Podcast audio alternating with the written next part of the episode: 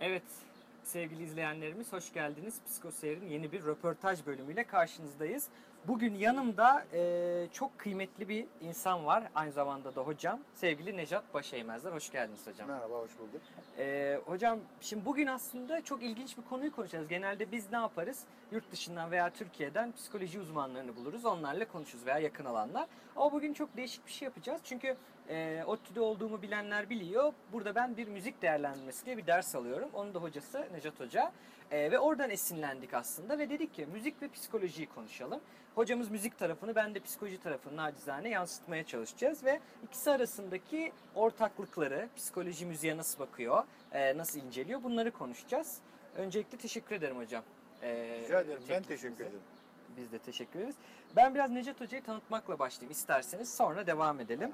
Necat Hoca 62'de Ankara Devlet Konservatuarı'nın keman bölümüne giriyor sevgili seyircilerimiz. 71 yılında ise Cumhurbaşkanlığı Senfoni Orkestrası'nda başlıyor ve 2012 yılına kadar e, devam ediyor. Burada viyolacıydınız Biyoloji sanırım. olarak. Yani e, kemanla başlayıp sonra biyolo, biyoloji Ne olarak. kadar süre hocam burada e, hizmette bulundunuz, çaldınız? CSO'da mı? Hı hı. Tam 41 sezon. Süper, çok büyük e, tecrübeleriniz olmuş olmalı orada. Evet. Hatta Ee, besteciliğime de büyük yarar oldu diyebilirim. Evet ondan da bahsedeceğiz. Ee, hocamız bestecilik eğitiminde 74 ile 80 yılları arasında önce Erçivan Saydam'dan armoni dersleri alıyor, kontur puan dersleri alıyor. Sonra da Türk beşlerinden Necil Kazım Akses'ten, burası çok Evet. iyi, armoni ve kompozisyon dersleri alıyorsunuz. Daha sonra da Hacettepe Üniversitesi Ankara Devlet Konservatuarı'nda ve yine hani günümüz diyebiliriz ve ODTÜ'de Tabii. Müzik ve Güzel Sanatlar bölümünde dersler veriyorsunuz. Ee, ve aynı zamanda da çocuk müzikleri, sahne müziği unutmayayım diye bakıyorum. Senfonik müzik, solo veya eşli çalgısal parçalar gibi alanlarda da beste ödülleriniz var Evet, ulusal Değişik yarışmalarda. alanlarda yazdım. Evet hocam. Besteciliğinizi oraya etkiledi dediniz. Onlar ondan bahsedelim biraz. Orkestranın evet, etkisi mi? evet. E, Ve or- hocalarınız da yani çok önemli isimler. E, evet. Orkestra, e, orkestrasyon senfonik müzikler için çok önemli bir bilgi. E, bir bilgi yani. E, büyük ölçüde deneyimlerle kazanılmış bir bilgi.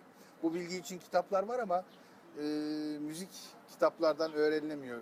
Bizzat içinde olunursa işte benim gibi 41 yıl boyunca bir orkestra içerisinde çaldığımız her eserin e, form, e, yalnız orkestrasyon değil, form, armoni, bütün yapı, dört unsurunu da müziğin ara, e, analiz etmek, onları nasıl yapıldığını ve yapılan şeylerin ne sonuç verdiğini görmek çok öğreticiydi. Süper hocam. Tam oradan da şeye bağlayalım. Müzik değerlendirmesi diye bir ders veriyorsunuz.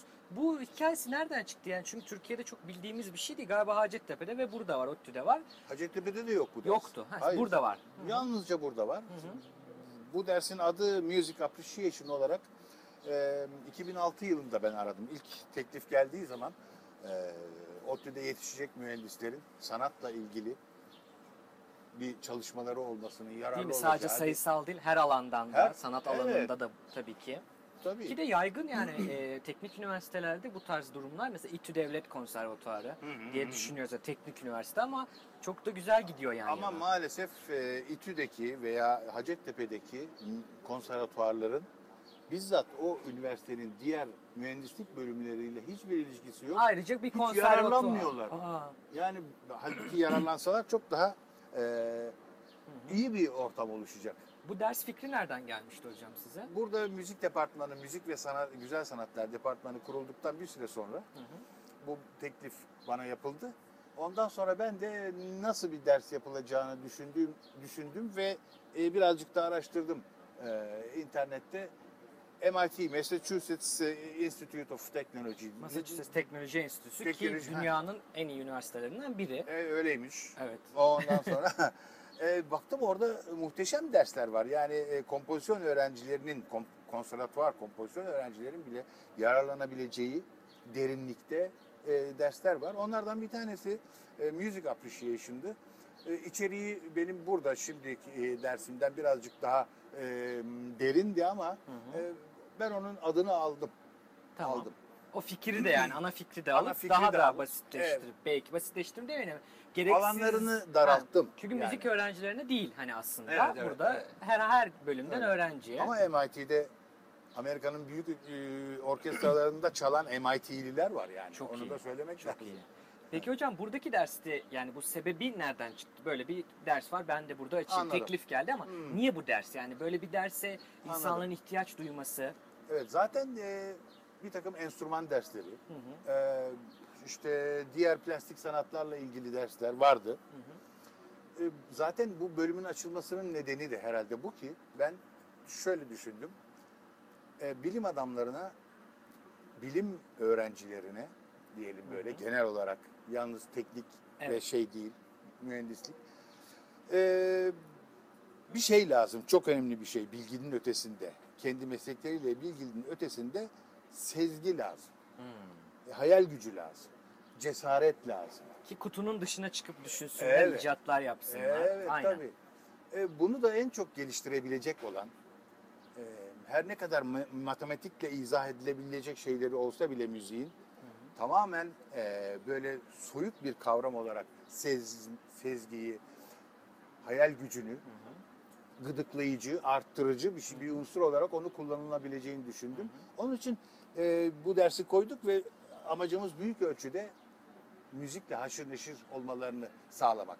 Yani olabildiğince. Peki hocam yani sıradan insan yani hepimiz müzikte iç içeyiz. Yani reklamlardan tutun girdiğimiz mağazalara herkes bir koleksiyonu var artık işte bu MP3 çalarlar çıktı şimdi daha da değişiyor Spotify'lar falan var internetten dinliyoruz. Hepimiz müzikle iç içeyiz. Hepimizin zevkleri farklı. Evet. Ee, çok uç yani çok bir kontinüumda devam ediyor. Bu bir uçta devam ediyor oradan oraya doğru Evet. üzerinde. Ama e, hepimize yani müziği değerlendirme gücü ya da ben ona müzik takdiri demeyi seviyorum. Yani Evet. appreciation'ı biraz daha belki iyi karşılar. Müzik takdiri gücü ne kazandırır? Nasıl bir avantaj sağlar insana? E, iyi yemek yemek ne kazandırırsa iyi müzik. Hmm. E, aslında müziğin iyisinden kötüsünden çok daha derin, daha sanatsal ve daha sığ, daha yüzeysel bir e, müzikten söz edebiliriz. Hı hı. Biliyorsunuz bunlar gündelik e, dinlenen, tüketilen müziklerdir genellikle. E, ama senfonik müzikler, bütün klasik müziğin dört dönemince üretilmiş olan eserlerin hepsi e, s- alıp sessizli, sessiz bir ortamda büyük bir dikkatle okunası romanlar, öyküler Hmm. vesaireler gibidir. Hocam sizin çok güzel bir lafınız var. Onu bir burada açmak istiyorum. Doğru söyleyeceğim bilmiyorum. Derste söylemiştiniz. Ee, bir romanı yani en basit en kısa romanı bile bir saatte bitiremezsiniz. Ama çoğu senfonide bir saatin civarındadır süre olarak. Ve o senfoni size belki romandan daha çok şey anlatır. Siz demiştiniz ki müzik zamandan hızlıdır demiştiniz. Ha, evet. Çok güzel bir laf. Yani bunu biraz şey yapabiliriz. Çünkü bununla çok alakalı bence. Yani de- gurmelikten örnek verdiniz. Hani yemeği hepimiz yiyoruz. Yani zaten hı evet müzik de biraz öyle ihtiyacımız, Evet, ruhun evet. gıdası ama hani yemeği bilerek yemenin faydası nedir? Daha iyi yemeği seçmek, daha çok Evet. zevk almak mı? Zevk Yoksa almak. şimdi bizim kafamızda çünkü gurmeler şeydir yani kolay beğenmeyen, yediği yemekten çok da zevk almayan belki. Ha, onlar- Hani müziği çok iyi bilen de acaba e, kalitesiz üretilmiş tırnak içinde müzikleri de istemeyip daha da böyle daraltan, seçim şeyini daraltan ve daha zor beğenen, daha zor müzikten mutlu olan mı demek müzik değerlendirmesini bilen? Valla buna daha zor müzik diye bir şey bilmiyorum ama gurmelerin yani o tadımlar gidip hiçbir şeyi beğenmeyen veya zor beğenenlerin meslek icabı öyle olmaları gerektiğini düşünüyorum. Ama bunu bir halk kitlesi üzerinde düşünecek olursak tabii ki e, o kadar derinine inmiyorlar. Tabii. O yemeğin nasıl yapılması gerektiği, hangi malzemelerin nasıl kullan, onlar sonucu olarak lezzete bakıyorlar. İşte biz daha iyi lezzetler bulmak peşindeyiz bu dersle. Belki de şey de diyebiliriz onu. Ben bunu tabii çok genel görüşü yansıtarak bir cahilce bir soru sormaya çalıştım ama hani şöyle diyebiliriz. Gurmelerin genelde ya da aşçıların, iyi aşçı, iyi gurmelerin bildiğim kadarıyla mesela bir yemeği tattıklarında bu yemekte sen işte soğan kullanmışsın, domates koymuş. Tek tek malzemelerini analiz edip sayabilecek kadar iyi bir tad alma duyuları var. Belki müzikte de öyle. Mesela çok iyi bilen biri bir senfoni dinlediğinde enstrümanları ya da enstrüman gruplarını ayrı ayrı duyduğunda çok daha büyük bir zevk alabilir. Bununla ilgili de zaten psikoloji çalışmaları var. Konuşacağız birazdan. Ama genel olarak şöyle özetleyebilir miyiz? Yani müzik değerlendirmesi dersini almak ya da müzik takdirini bilmek. Yani Evet. Dersle olmaya da bilir. Takdiri Kendisi bilmek, de evet. aynen çok hani kültürüne sahipse, yatkınsa almak o müziklerden alacağı zevki arttırır mı? Daha da mutlu eder mi? Kesinlikle. Hı hı. Kesinlikle. Amaç bu. Aynen. Ee, ama dediğim gibi ders de yetmez, kitap da yetmez. Evet. Dinlemek lazım. Bir senfoniyi belki en başta hemen bir senfoni değil ama daha kısa müzikleri. Zaman O da önemli bu konuda. belki, evet. Tabii. Ee, yo o da müzikleri çok derindir. Kısa bile olsalar. Ha yok ben Ha. süre için dedim. Ha, derin. Evet. Yani siz Evet. mesela derste çok müzik dinleterek yapıyorsunuz E, bu tabii, işi. Tabii. Tabii ki yani dinleyip üzerine konuşuyoruz mesela. Evet, yalnızca dinleyerek o dil öğrenilebiliyor. Hı hı. Yani okula gitmeden yani Evet. ana diller nasıl öğreniliyor? Aynen. Yani okulda öğrenilmiyor. Evde öğreniliyor ve dinleye dinleye ve uygulaya uygulaya. Bununla ilgili de bir çalışma yapmışlar hocam. Sahi. Tesadüf. Bunları Harika. önceden konuşmadık sayın Evet. Şu an doğaçlama ama Evet. yani böyle bir çalışma yapmışlar ve şeyi bulmuşlar hocam.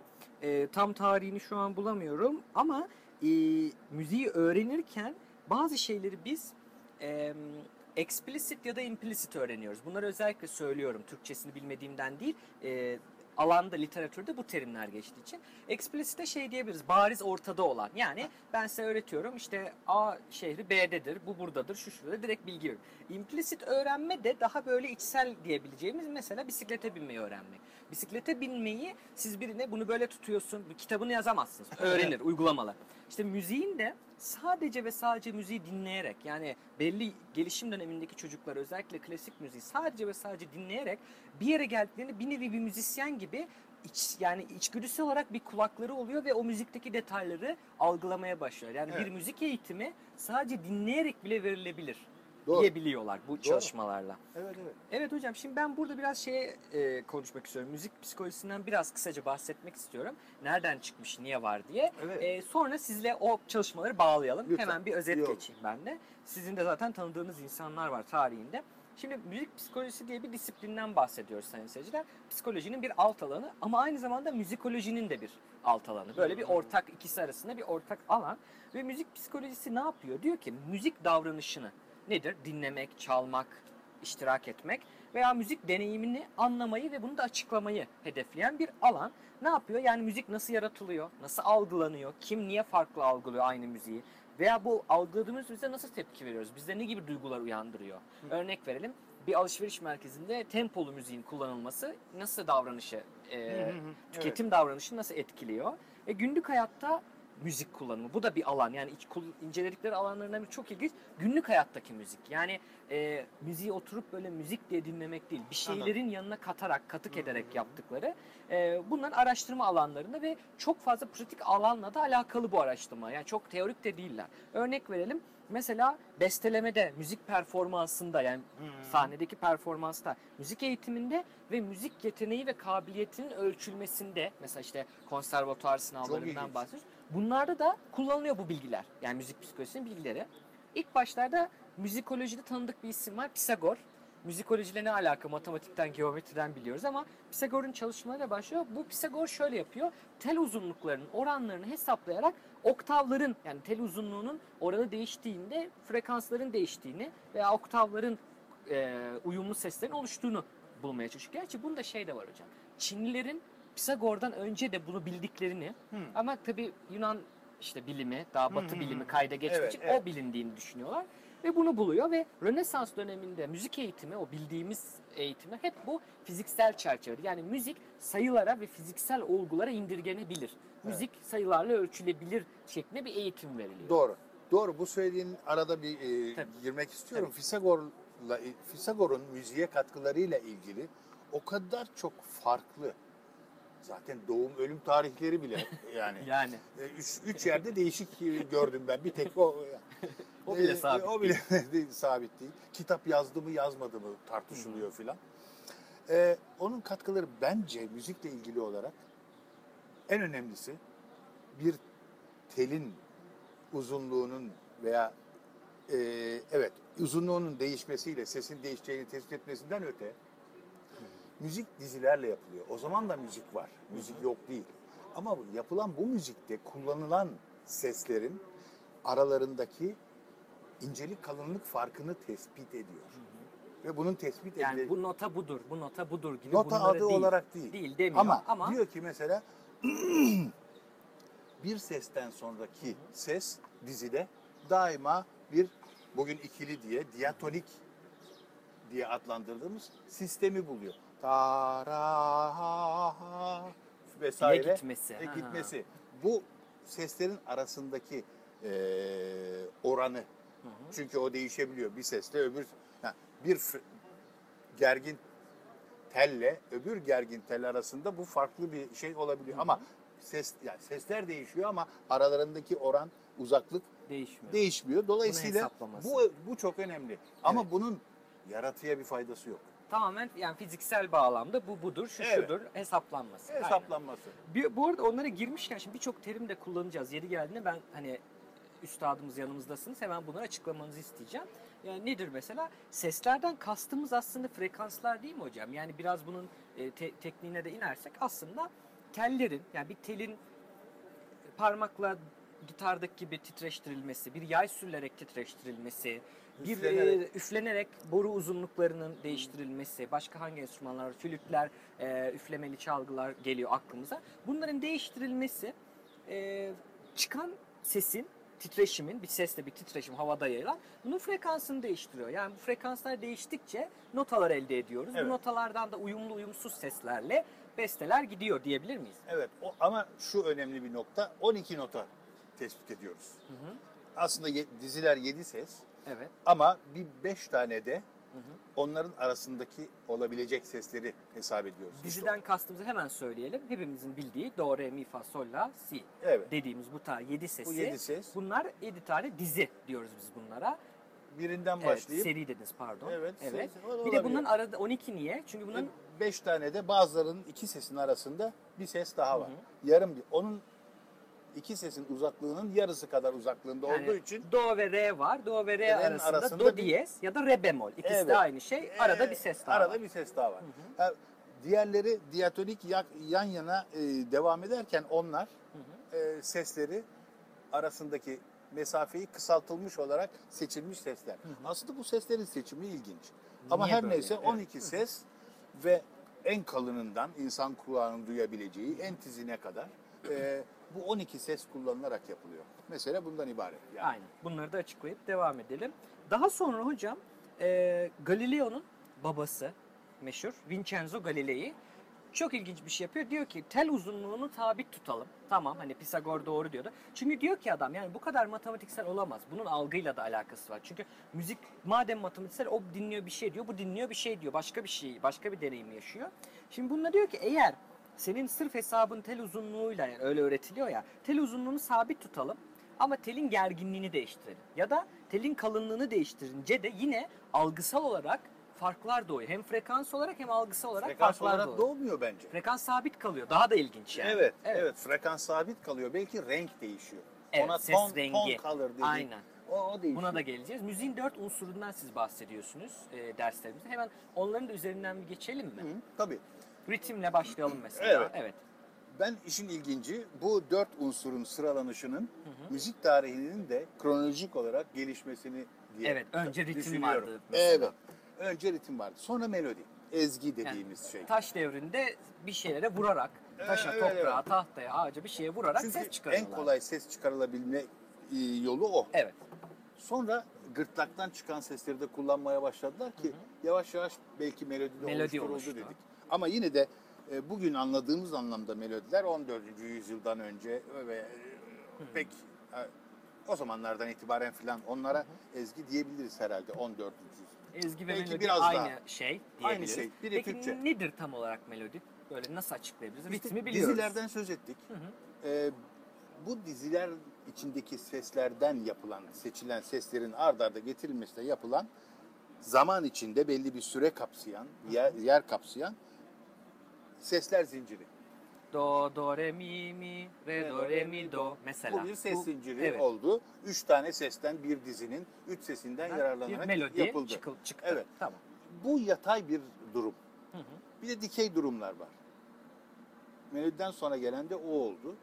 Dikey durum farklı seslerin bu yatay do do re mi dediğimiz gibi bu sefer onları aynı anda basıp üst üste koyup Armoni dediğimiz. dinlediğimiz Ha, şekil. Dikey. Bu armonide işte üçüncü unsur oluyor. Dördüncü unsur olur, olarak da rengi düşünüyoruz gerçekten. Ses rengi, Ses yani- rengi algıya çok etkili. Telin değişmesi, gerginliğin değişmesi, kalınlığının Ses değişmesi. kaynağının değişmesi. Evet yani Özellikle. kemandan çıkan da aynı nota diyelim. İkisi de la Evet, çalıyor. evet. O da aynı nota. E, klarnetten de la çıkıyor. İşte Aynı trompetten la'yı- de la çıkıyor. Aynı la'yı basıyor. Frekans aynı Frekans ölçüldüğümüzde aynı ama, ama kulağa renk değişik. çok başka. Evet evet öyle bir şey. Aynen. Bunları da bahsetmişken e, devam edelim. Daha sonra titreşim, uyumlu, har- harmonik, harmonik seriler gibi değişik değişik kelimeler e, ve terimler ortaya çıkıyor. Ve burada Galileo'nun, Kepler'in, Mersenne ve Descartes'in çok etkileri oluyor aslında müzikolojinin gelişmesi de dolaylı yoldan diyelim. Daha sonra bu müzik psikolojisi bununla ilgilenmeye yani psikoloji başladığı zaman ne yapıyorlar? Deneysel psikolojinin yükseldiği yıllarda işte Wilhelm Wundt'un ilk başlattığı zamanlarda o, o zamanlarda psikoloji müzikle de alakalı ilgilenmeye başlıyor ve orada bazı deneyler yapıyorlar. Yani insan müziği nasıl algılıyor ya da ne tepki veriyor demin konuştuk alanlarından ya da müzik yeteneğini biz nasıl ölçebiliriz? Bununla ilgili ölçme metotları, araştırma metotları buluyorlar. Harika. Ve 20. yüzyılın ikinci yarısına itibaren de artık günümüzdeki müzik psikolojisine geldiğimizde çok da genişliyor. Ritim, melodi, armoni, ton algısı, e, müzik yeteneğinin ölçümü mesela ya da müziğin insanda yarattığı duygusal tepkilerin ölçümü, bir o reaksiyonların ölçümü de araştırılıyor. Bir de hocam ayrı bir alanda çıkıyor etnomüzikoloji. Evet. Yani kültürler arasında müziğin farkı. Yani müziği sadece ses olarak değil, çıkmış bir saf ses olarak değil, kültürel bağlamında inceliyor. Bu müzik bu kültürde ne arıyor, niye burada var ya da bu kültürde bu müzik nasıl algılanıyor? Örnek verelim Türk sanat müziğini biz nasıl algılıyoruz? Amerikalı birisi dinlediği zaman aynı müziği, aynı ses kalıplarını, aynı dizileri nasıl algılıyor? Bunları araştırıyorlar. Bundan sonra bir de psikoakustik denen bir alan çıkıyor. Çok ilginç. İlginç. Seslerin ve müziklerin algılanmasını inceleyen alan. Yani beyinde ne oluyor da ben bu Hmm. sesi algılıyorum. Yani Yani bu mekanizmayı 440 inceliyor. e, megahertz sesi nasıl algılıyorum? Gibi algılıyorum. Sesi mi nasıl 440 algılıyor hertz, yoksa pardon. E, evet yani bu tonu yoksa seslerin yani bir o da var. melodi Aynen. oluşumunu mu? Melodiyi de ama saf olarak ses diye düşünebiliriz. Seslerin ve müziklerin nasıl algılandığını araştırıyor. Ama, ama müzikte tek bir ses hiçbir şey ifade etmiyor. Aynen. Mutlaka öncesinde ve sonrasında şey diyebiliriz işte deminki la'da la'da bir ses ama kemanda farklı bir şey uyandırdı. Beyinde belki de e, klarnette başka bir şey uyandırdı. Bunu da düşünebiliriz. Daha sonra e, bazı şeyler çıkıyor yani bu şekilde. Aynı zamanda da şunu bulunmuş hocam müzik psikolojisinin gündelik böyle dinleyen insanlar için de büyük etkileri var. Hani hayatımızın aslında müzik psikolojisi içinde ama çok da bilmiyoruz, görünmez biraz. Ne yapıyorlar hocam? E, şöyle bir şey bulmuşlar. Duygusal müzikle duygusal bir müzik dinlediğimizde, duygu uyandıran müzik dinlediğimizde bir zevk alıyoruz değil mi? Müziğin bir dinleme zevki var.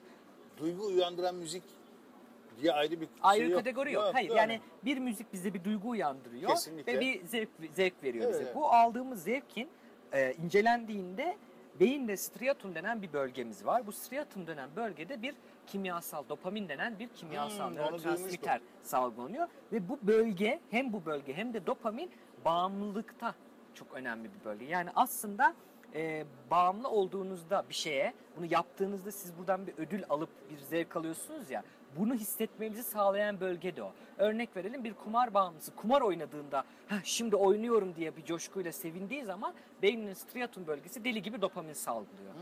Müziği seven bir insanda o sevdiği müziği dinlediğinde yine oradan striatumdan dopamin salgılanıyor. Dopaminin insan vücuduna başka e, etkileri var mı? Yani böyle Aynen yani hani ağrı, ağrı mı giderir yok mide E, bulantısını şimdi önler. şöyle bir şey, öyle tek tek diyemeyiz ama mesela işte şöyle diyelim, bir kumar bağımlısı kumar oynarken ya da işte alkol al- alkolü katmıyorum o biraz kimyasalı var ama kumarda kimyasal yok. Direkt kumar oynadığı için o hissi hissediyor. Bu hissi hissettiğinde bir yere ağrıyorsa o ağrıyı daha az hissedecektir tabii. Ha, Orada evet. bir uyuşturucu bir etki yapacaktır.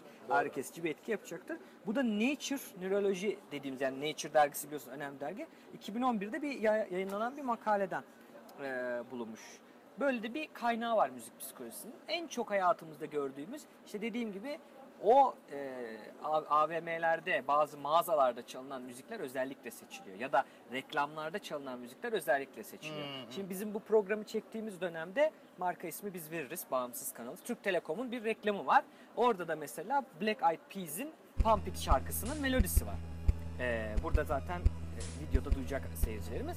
Bu melodi mesela o kadar güzel bir melodi ki kim bilir ne kadar para vererek bunu reklamlarında kullandılar. Ve bu e, önemli yapılmış bir hamle. Çünkü reklamı dinlediğinizde o müzik aklınıza geliyor. Şimdi benim evvelden o müzik dinlediğimde Telekom aklıma gelmiyordu ama şimdi Türk Telekom'da aklıma geliyor ve burada konuşuyoruz. En basitinden yani hiçbir şey düşünmeyin. Şu röportajın bile konusu olması o müziğin bazı paternlerin daha doğrusu müzikte daha çok beyinde tekrar edildiğini bulmuşlar. Niye bazı şarkıları dinledikten sonra dilimize takılır bütün gün söylemek hissederiz? Bunların araştırmasıyla müzik psikolojisi de gündelik hayata uygulanmış Klasik oluyor. müzik için çok geçerli değil. Değil. Takılmaz Fakat, mı klasik e, müzikte çok? Takılır. Ha. Ama takılan iyidir, takılmayan bilen öyle bir şey söz konusu Onu kastetmiyorum değildir. tabii ama yani kullanımı burada yani Ha, evet. tüketici davranışını Bu- evet, direkt burada olarak. çünkü somut bir e, bir işlev yükleniyor müziğe değil mi? Onun için. Aynen. Ee, peki bir şeyi merak ettim ben şimdi. Bu iş çok eskiden beri yapılıyor reklam Tabii. ve reklamda müzik kullanmak. Ben gençken veyahut hatta biraz ilk gençlik yıllarında filan kullanılan müzikler klasik müziklerden alın, alınıyordu. Şimdi o söylediğin melodiyi bilmiyorum.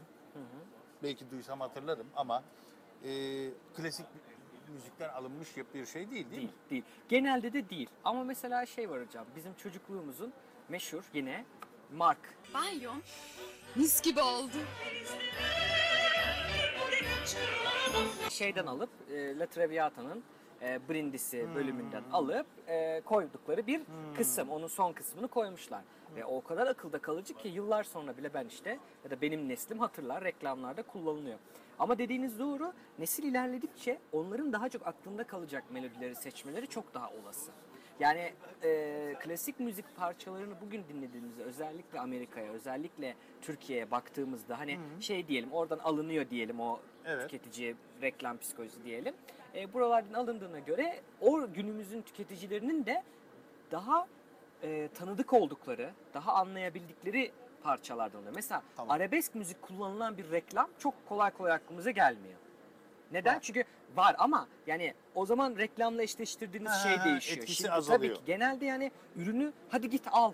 Hadi yap. Yani böyle bir harekete geçirici bir etkisi olması lazım. Ya da ürünün size vereceği hissiyatla ilgili. Mesela markla temizlediniz evinizi. Her yere temizlik mark mark. Çok mutluyum. Yani temizim şu an. Onu veriyor. Ama oraya bir arabesk müzik olmazdı.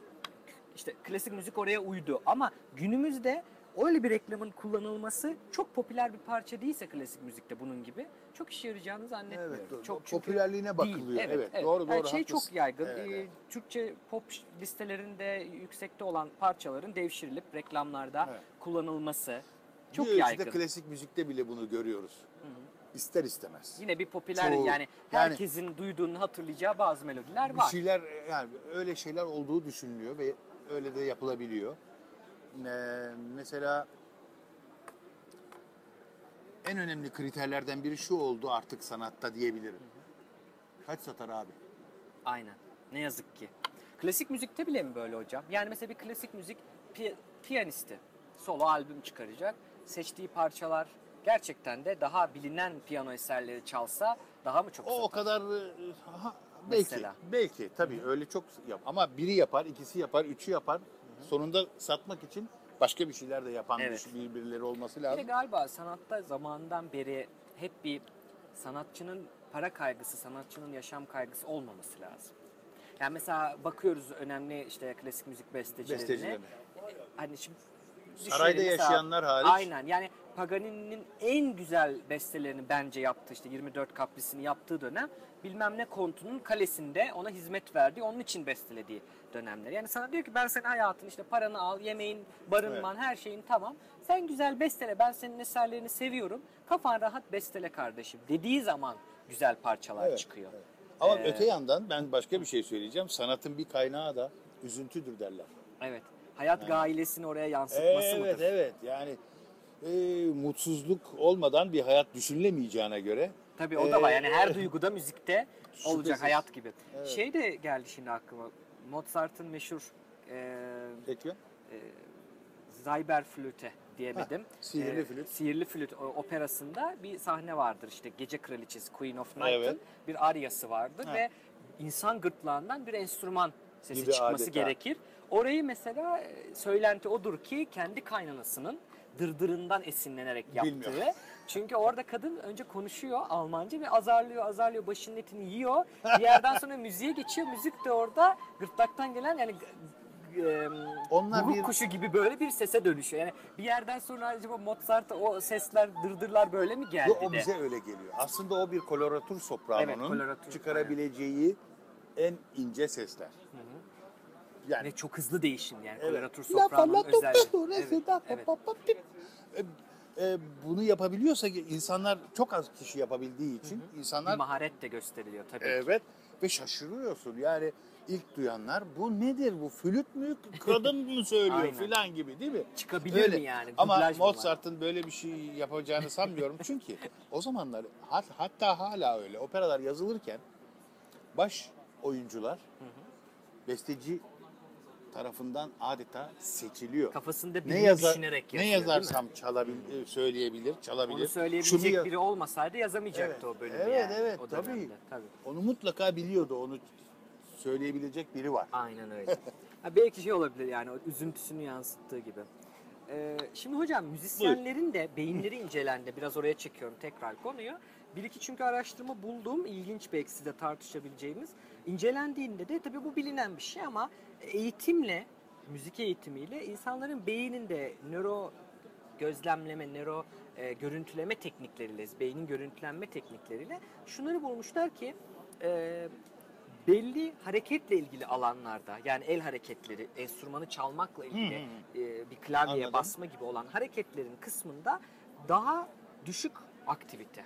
Çok ilginç. Aynı zamanda da yani şöyle aslında e, normalde bir insanın beyni bir hareketi yaparken işte 10 birim çalışıyorsa, 10 tane nörona ihtiyaç duyuyorsa Evet. bir müzisyen, eğitimini almış bir müzisyenin çok daha az nörona ihtiyaç duyuyor.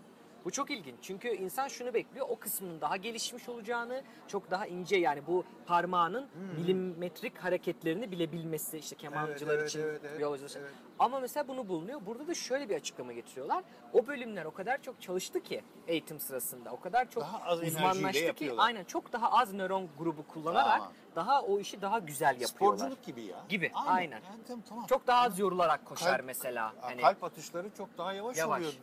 Kolay kolay sporcular. yorulmuyor yani değil Ne mi? kadar enerji sarf ediyorsa, ne kadar koşuyorsa bizimki kadar yükselmiyor belki nabızları. Aynen öyle. Bir de böyle bir şey de bulmuşlar yani hocam. Evet, Zaten doğrudur. şey çalışmaları İnanırım. çok. Yani müzisyenlerin beyninle müzisyen olmayanların beyni arasında gerçekten çalışma farkı. Kimisinde de yapısal artık belli. Çünkü yapısal farklar da ortaya çıkıyor. Çünkü beyin öyle bir yapı ki nöroplastisite dediğimiz bir kavram var. Beyin gerekli nöronlarını çok güzel kullanan bir yapı. Çok e, tasarruflu kullanan bir yapı. Ha. Bakıyor ki sen bunu kullanmıyorsun, boşa çalışmasın. Sizi işten o işten aldım bu işe yönlendiriyorum. Siz şimdi bu işi Aa, yapacaksınız anladım. diyor. Mesela bir örnek verelim buna. Bir açıklaması kolları veya bir uzvu ampute olmuş, kopmuş e, insanlarda e, hayalet kol sendromu dediğimiz bir şey var. Benim Duymuştum. işte bu sağ kolum kopsa diyelim Allah korusun. Bu kolum olmasa bile ben burada bir kol varmış gibi ve bu kolum ağrıyormuş gibi hissediyorum. Olmayan kolun ağrısı. Bunu incelediklerinde şunu buluyorlar. Bu kolla ilgili hisleri ve hareketten sorumlu nöronlar işsiz kalıyor kol gidince. Ve onlar işsiz kaldığı zaman da o boş kalan bölgeye çevredeki nöronlar atağa geçiyor. Ya boş kalmasın biz de oraya bakalım açıkta kalmasın oraya bağlantı kuruyorlar. Ve bu bağlantılar şöyle çıkıyor. Siz kolunuzu hareket yani e, kolunuzda bir hareket olduğunu düşündüğünüzde yüzünüzdeki bazı yerlerde his uyandırıyorsunuz. Veya yüzünüzün belli yerlerine dokunduğunda kolunuzu hissediyorsun olmayan kolunuzda. Bu da şu yüzdeki hisle koldaki his nöronları birbirine karışıyor. Çünkü onlar dedi sen boş kalma gel bize kullan.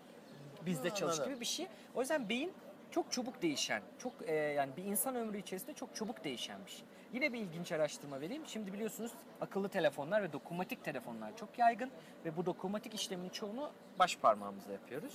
Ve şu bulunmuş, dokunmatik telefonla büyüyen neslin diğerlerine göre baş parmakların hareketinden, hissinden sorumlu bölge daha büyük. Allah. Çok daha fazla çalışıyor. ben çünkü. şu parmağı kullanıyorum. Ha, ben. mesela sizin de o örneğin. Ama Çinliler öyle. bu parmağı hiç kullanmıyormuş.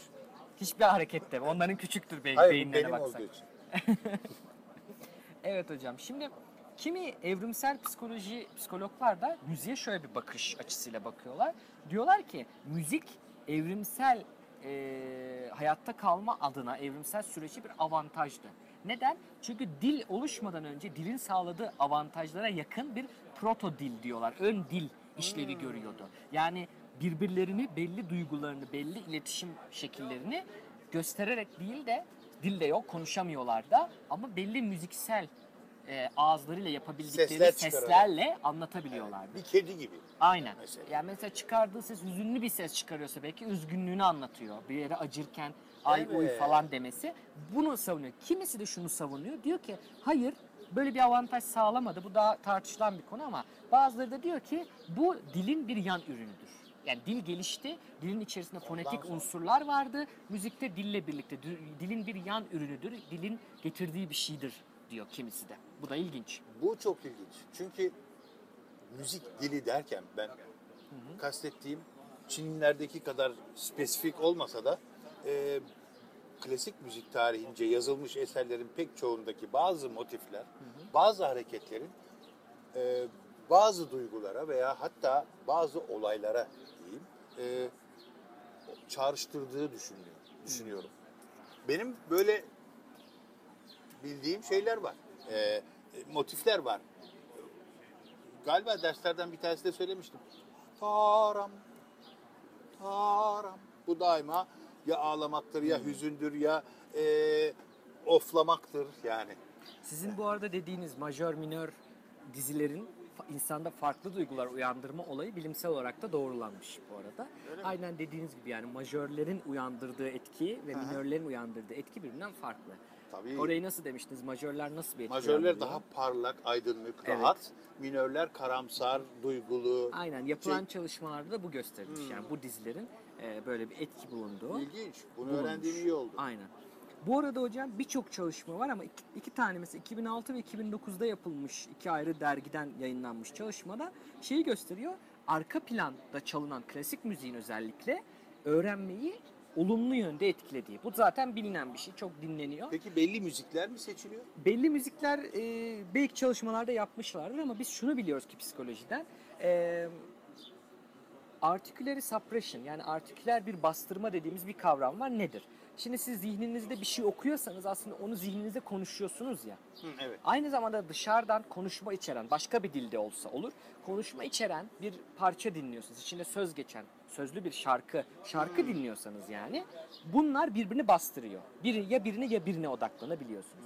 Dolayısıyla mümkün mertebe okuduğunuz matematik değil ama okuduğunuz bir şeyi çalışırken söz içermeyen müzikler, sözsüz enstrümantal sesler, ya da müzikler Evet. dinlemenizin faydası var. Peki bir mesela saç kurutma makinesinin zırıltısı orada işe yarar mı? Belki yarayabilir çünkü onu da e, white noise dediğimiz beyaz gürültü olarak adlandırıyorlar.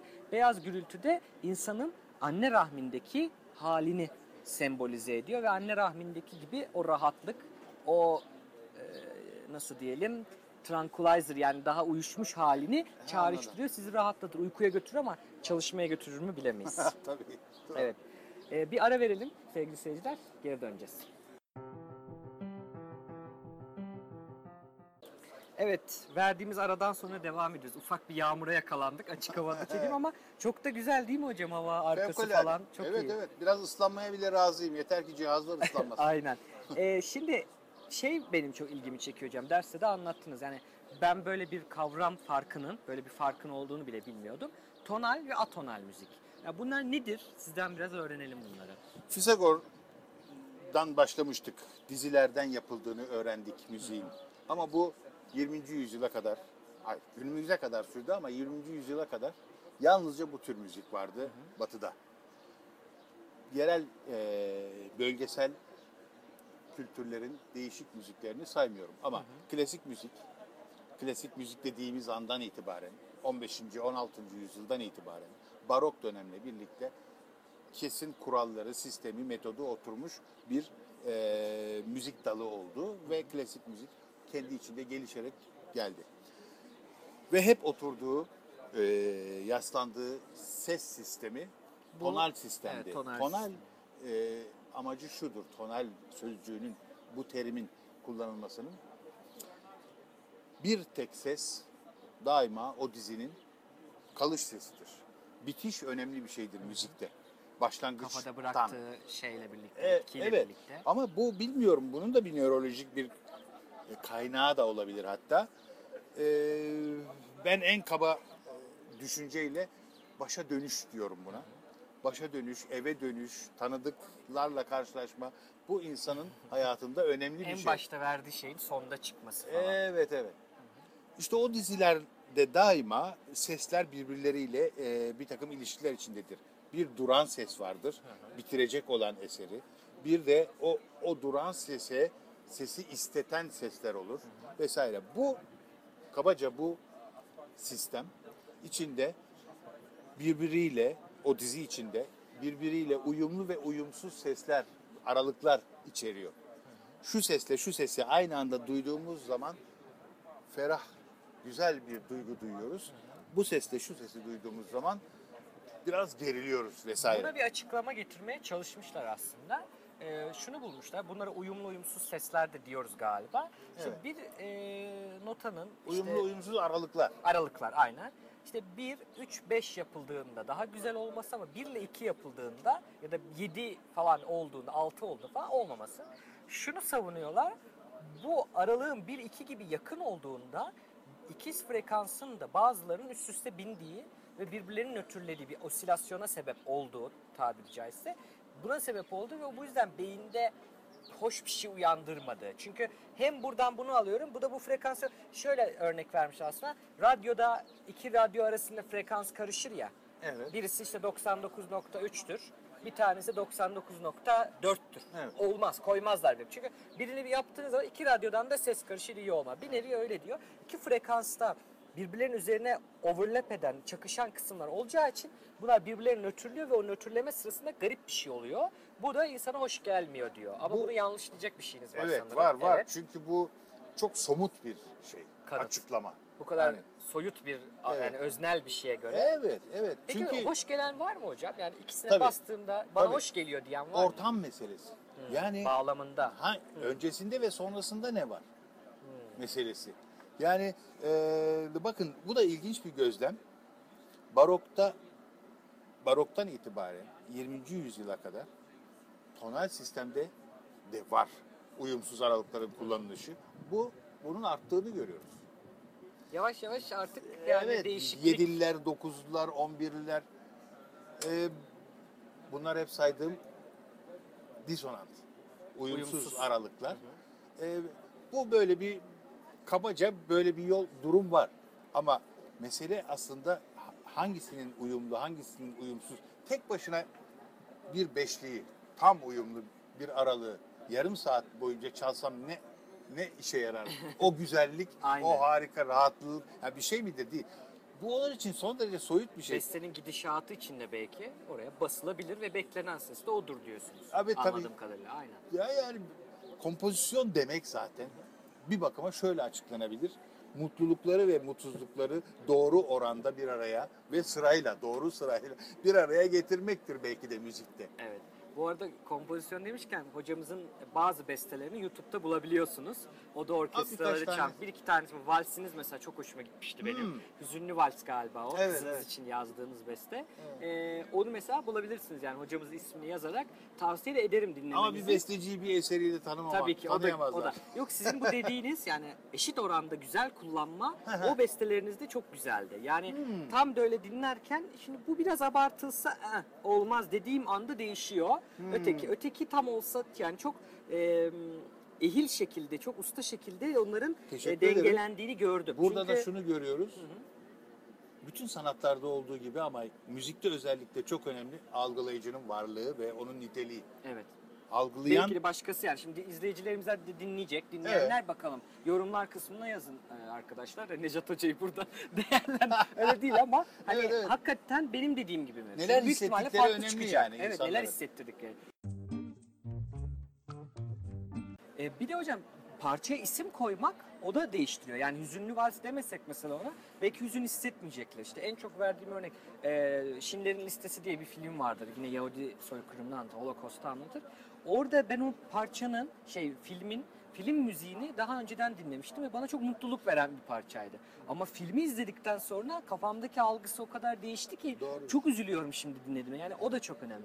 Peki hocam hemen burada şeyi soracağım. Atonal müzikten, tonali anladık. Belli e, tonlar var, uyumlu sesler, uyumlu diziler, uyumlu, uyumsuz aralıklar var. Bu aralıklarla yapılan. Atonal ne? Ee, 300-350 yıllık klasik müziğin gel- gelişini den sonra 20. yüzyılda bu sistem anlattığımız belli bir sesin e, egemen olması, orada başlayıp orada bitmesi, seslerin diğer birbiriyle olan ilişkileri yokmuş gibi davranarak. Çünkü o zaman öyleydi. Belki Yani gerçekten bir de yok. parçanın bir tonu vardı. Bu parça atıyorum do majör Evet. denir ve do majörün içerisindeki belli dizi, o dizisinin sesleri Tabii. kullanılır başka Tabii ses modülasyonlar da yapılır, başka Ha. tonlara da gidilir Ha, ama gidilir. her şey bu sisteme göre yapılır. Ama o tonda yine onun sesinde biter falan Evet, gibi. evet. Ama burada Onu öyle diyor. ki Burada hayır böyle bir hiçbir şeye. ses bir diğerinden daha şey olamaz. Hepsinin e, etkileri aynıdır iddiasıyla. Belki de bir birazcık e, tonaliteden kaçmak isteğiyle de olabilir. Bıkkınlıktan da olabilir. Bazen de öyle oluyor. Yeni bir şey yapayım, aykırı Ha, evet. olayım, aykırılık Evet, yapalım. Evet. E, böyle bir şey ve bunda e, bu kabaca sistem e, şu. Atonal olabilmek için de bir takım kur- kurallar gerekli. Yani kendileriyle de bazen de şey oluyor. Hayır, Yine bir kural, hayır. atonal de bir kural. Şüphesiz bu kafadan at demek değil. Tonal ola- olmamanın da çarelerini aramak lazım. O Tonal daha da zor belki de değil mi? Tabii. Atonal yapmak Çünkü şeyi. bu yüzyıllarca sürmüş alışkanlık sonunda bu, İnsanların burada da belli de belki ki evet işlemiş.